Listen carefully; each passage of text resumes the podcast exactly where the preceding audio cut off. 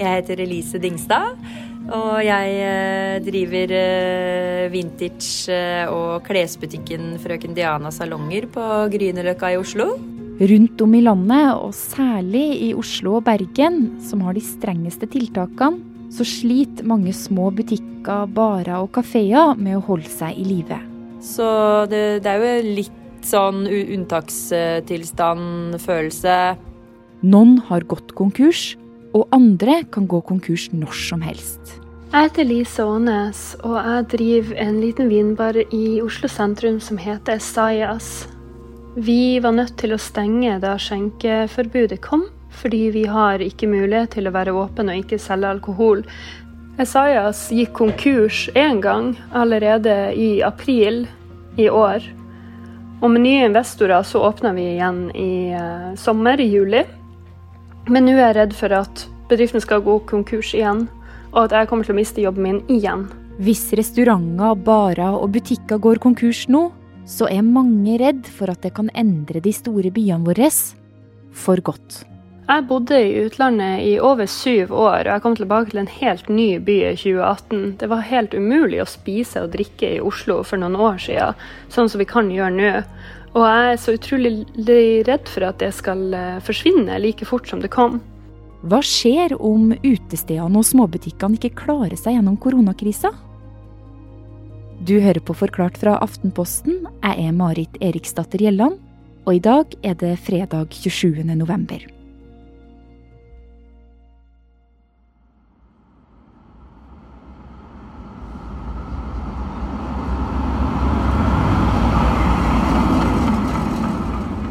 Tar du en av de blå, skranglete trikkene fra Oslo sentrum og rett nord, da kjører du sannsynligvis gjennom Grünerløkka. Området her det blir gjerne beskrevet som et av Oslos hippeste, og fra trikken så kan du se små barer, kafeer, restauranter og butikker som ligger tett i tett langs gata. Vanligvis så er det lys i de fleste vinduene, men nå er det mørkt. Og her og der så henger plakater. Det er tirsdag morgen. Eh, det er i ferd med å bli lyst. Folk våkner og titter ut av vinduene sine. Noen er kanskje på vei til jobb. Og det de da ser, er at eh, noen har vært ute på nattestid. Eh, for utenfor mange av bydelens små restauranter og nabolagspuber og butikker, så henger det svære plakater og bannere hvor det står ting som Her åpner kanskje Starbucks. Her kommer kanskje McDonald's og navn på en rekke andre store kjeder, som eh, Kaffebrenneriet, Hennes og Maurits, eh, Egon osv. Så, videre. så noen hadde vært ute på natten og hengt opp hjemmelagde plakater. Maria Petrén er kulturjournalist her i Aftenposten, og har som de fleste andre beboere i Norges to største byer vært vitne til hvordan Bergen og Oslo har blitt stillere og stillere denne høsten. Bergen står i en krevende situasjon. Siden i går har vi registrert 103 nye smittetilfeller av covid-19. Og med det har vi igjen satt en ny rekord med negativt fortegn, på tross av allerede strenge tiltak og restriksjoner i Bergen de siste ni dagene. Det er ingen tvil om at disse tiltakene vil ha store konsekvenser. Det er ingen tvil om at dette vil ramme mange virksomheter som har gjort en stor innsats med å følge smittevernreglene. Når vi alle holder oss mer hjem, så er en av bransjene som får store problemer, servering og service. Det er ingen som hører på oss. Uansett hvor mange avisartikler som skrives, så rister regjeringa på hodet og sier 'å, stakkars bedriften', men ingenting gjøres. I Oslo f.eks. så frykter så mye som halve utelivet at de kan gå konk hvis forbudet mot alkoholservering fortsetter i desember. Og de siste ukene har misnøyen bobla fram i mediene. Og over småbutikkene på Grünerløkka. Det er jo et av få steder igjen i hele Oslo hvor det faktisk er mulig å drive en liten butikk, da. Her skapte jo masse eh, rabalder eller overskrifter, men, men hvorfor gjør de det her? Hva er det de vil? Altså Initiativtakerne, som jo viser seg å være en gjeng med unge folk som bor i bydelen. Noen gikk på Kunsthøgskolen, andre jobba med reklame. Og det de har sagt, er jo at de gjorde dette for å minne folk på at eh, det vi som forbrukere nå kan gjøre, når mange av de små butikkene og barene og restaurantene sliter, er å støtte dem ved å gå og handle julegaver, eh, kanskje kjøpe et gavekort hvis det er mulig. Eh, gå ut og spise, selv om man ikke kan kjøpe alkohol. Og rett og slett støtte det lokale næringslivet for at eh, det ikke skal være helt dødt i byen når pandemien er over. Men hvorfor skjer det her nå? I det siste så er det jo ikke bare det her som har skjedd. også Det har kommet flere som har gått ut i sosiale medier og sagt sin mening om tiltakene som har kommet fra regjeringa. Altså, hvorfor nå og ikke tidligere i år? Eh, jeg tror det er fordi vi er i ferd med å komme til et eh, slags bristepunkt. Eh, folk begynner å forstå alvoret. Det begynner å gå opp for folk at de konkursene det har vært snakket om siden mars, nå kanskje snart er på trappene. og at vi faktisk reelt står overfor å miste mange av de små stedene vi er glad, glad i rundt om i byen. Men hva er det som er så viktig med de her små butikkene og barene, da? Jeg tenker jo at det handler litt om mangfoldet i bybildet.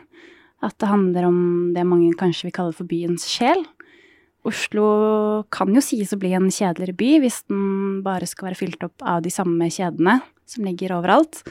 Det er de samme kjedene som ligger i Karl Johan og på kjøpesentrene og, og, i bydeler som Grünerløkka. Um, I tillegg så gir jo små kjeder og restauranter forbrukerne mer å velge i. Større variasjon. Um, og i tillegg så er det jo snakk om veldig, veldig mange arbeidsplasser. Bare i serveringsbransjen er det jo ansatt eh, over 17 000 mennesker bare i Oslo. Så det er jo snakk om folks livsverk, folks store livsprosjekter. Eh, ting folk brenner for, og, og veldig mange folks deltidsjobber. Og det er det her mange nå er redd for at skal forsvinne. Men kommer det til å skje?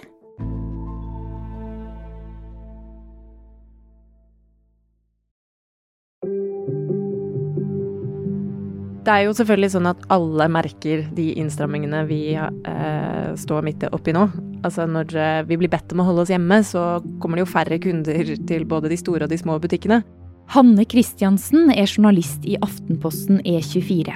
Men det er nok riktig at eh, de små bedriftene eh, sliter mer med tanke på at de f.eks. har mindre bufferkontoer, altså mindre penger oppspart. De står inne i runde to nå og, og, har kanskje brukt opp det de hadde på begynnelsen av året. Eh, og dessuten så har også de små bedriftene ikke like stor tilgang til midlertidig lån og kreditt fra bankene som kanskje de store konsernene har. Regjeringen vil gjøre det vi kan eh, for at sunne og omstillingsdyktige bedrifter ikke bukker unna som følge av pandemien. Vi har vist at vi raskt iverksetter nødvendige tiltak. For det første så foreslår regjeringen å etablere en bredere kompensasjonsordning for næringslivet. For å unngå at bylivet bukker under, så har regjeringa dette året kommet med milliard etter milliard. I dag foreslår vi nye kraftfulle tiltak på til sammen 17,7 milliarder kroner. Selv om regjeringa har bevilga penger, så er grunnen til at mange bedrifter har problemer nå, at det som heter kompensasjonsordninga ikke kommer i gang før om to måneder. Dette det er en ordning som skal hjelpe bedriftene som sliter med husleie og andre utgifter. Dessuten så hoper det seg opp av flere nye regninger på bl.a. arbeidsgiveravgift.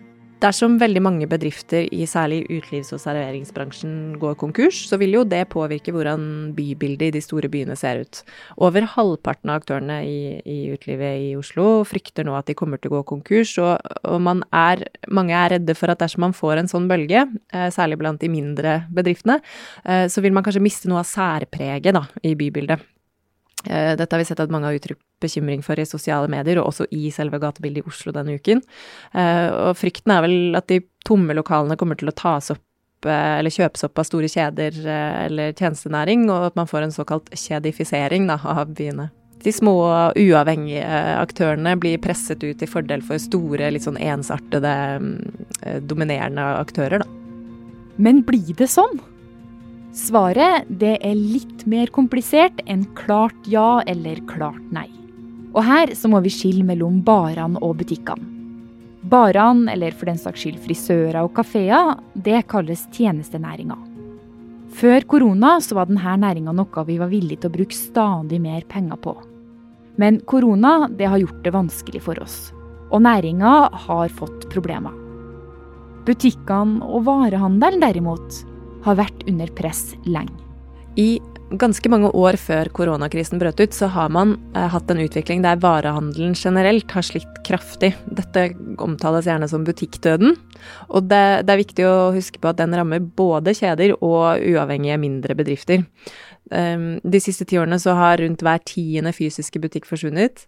Og i eh, enkelte områder, særlig i byene, så er det nærmere hver femte fysiske butikk. Sånn at um, det har liksom vært en, en um, frykt lenge, eller eksperter har advart lenge mot at uh, flere butikker kommer til å gå over ende. Og det er klart at koronakrisen nå akselererer, eller uh, skrur opp den uh, farten i den prosessen. Grunnen til at butikkene forsvinner, er for det meste deg og meg. Vi handler mer på nett i stedet for i butikken. Samtidig så bruker vi stadig mer av pengene våre på kafé, bar og frisør i stedet for ting og tang i butikken. Og i Oslo så får også Bilfritt sentrum skylda av enkelte.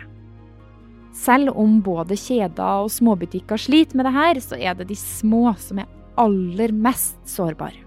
Som sagt så, rammes jo de fleste av den såkalte butikkdøden, men eh, det er klart at de små bedriftene går jo fortere over ende.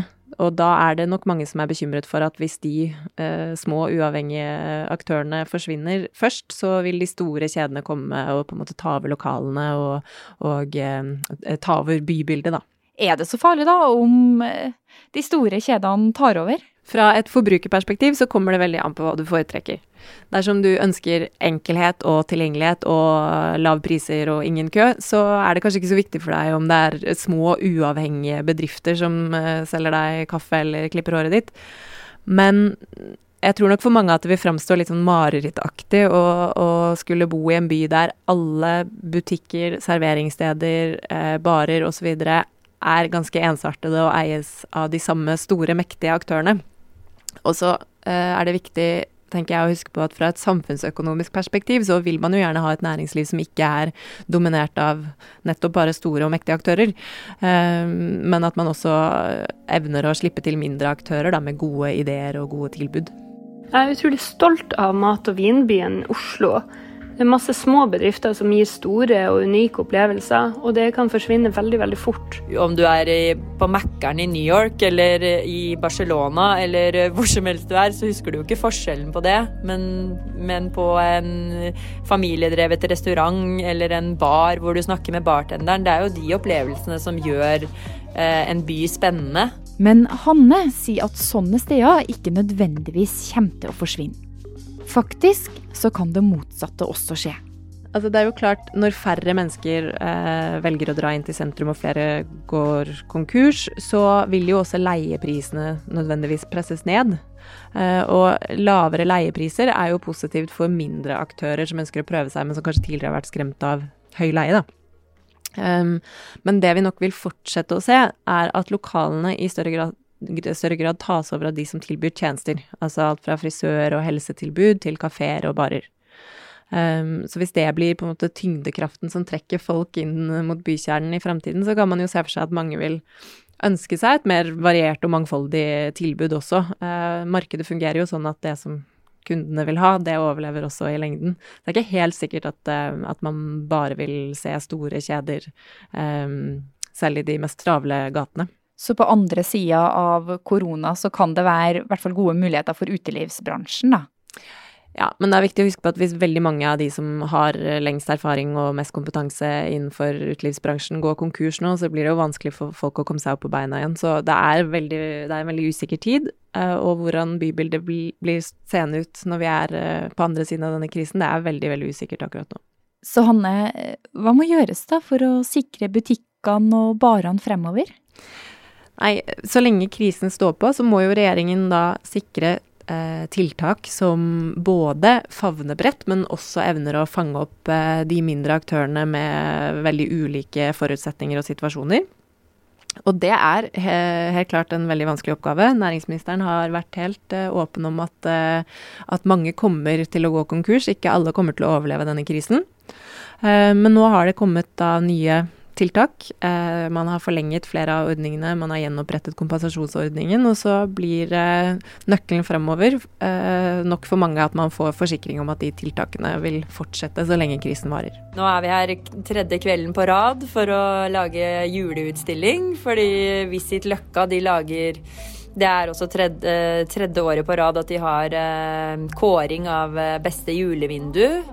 Så vi skal klinke skikkelig til og gjøre masse ekstra i år for å gi eh, folk ekstra mye god julestemning og sånn at man ikke skal bare tenke på eh, korona hele tida.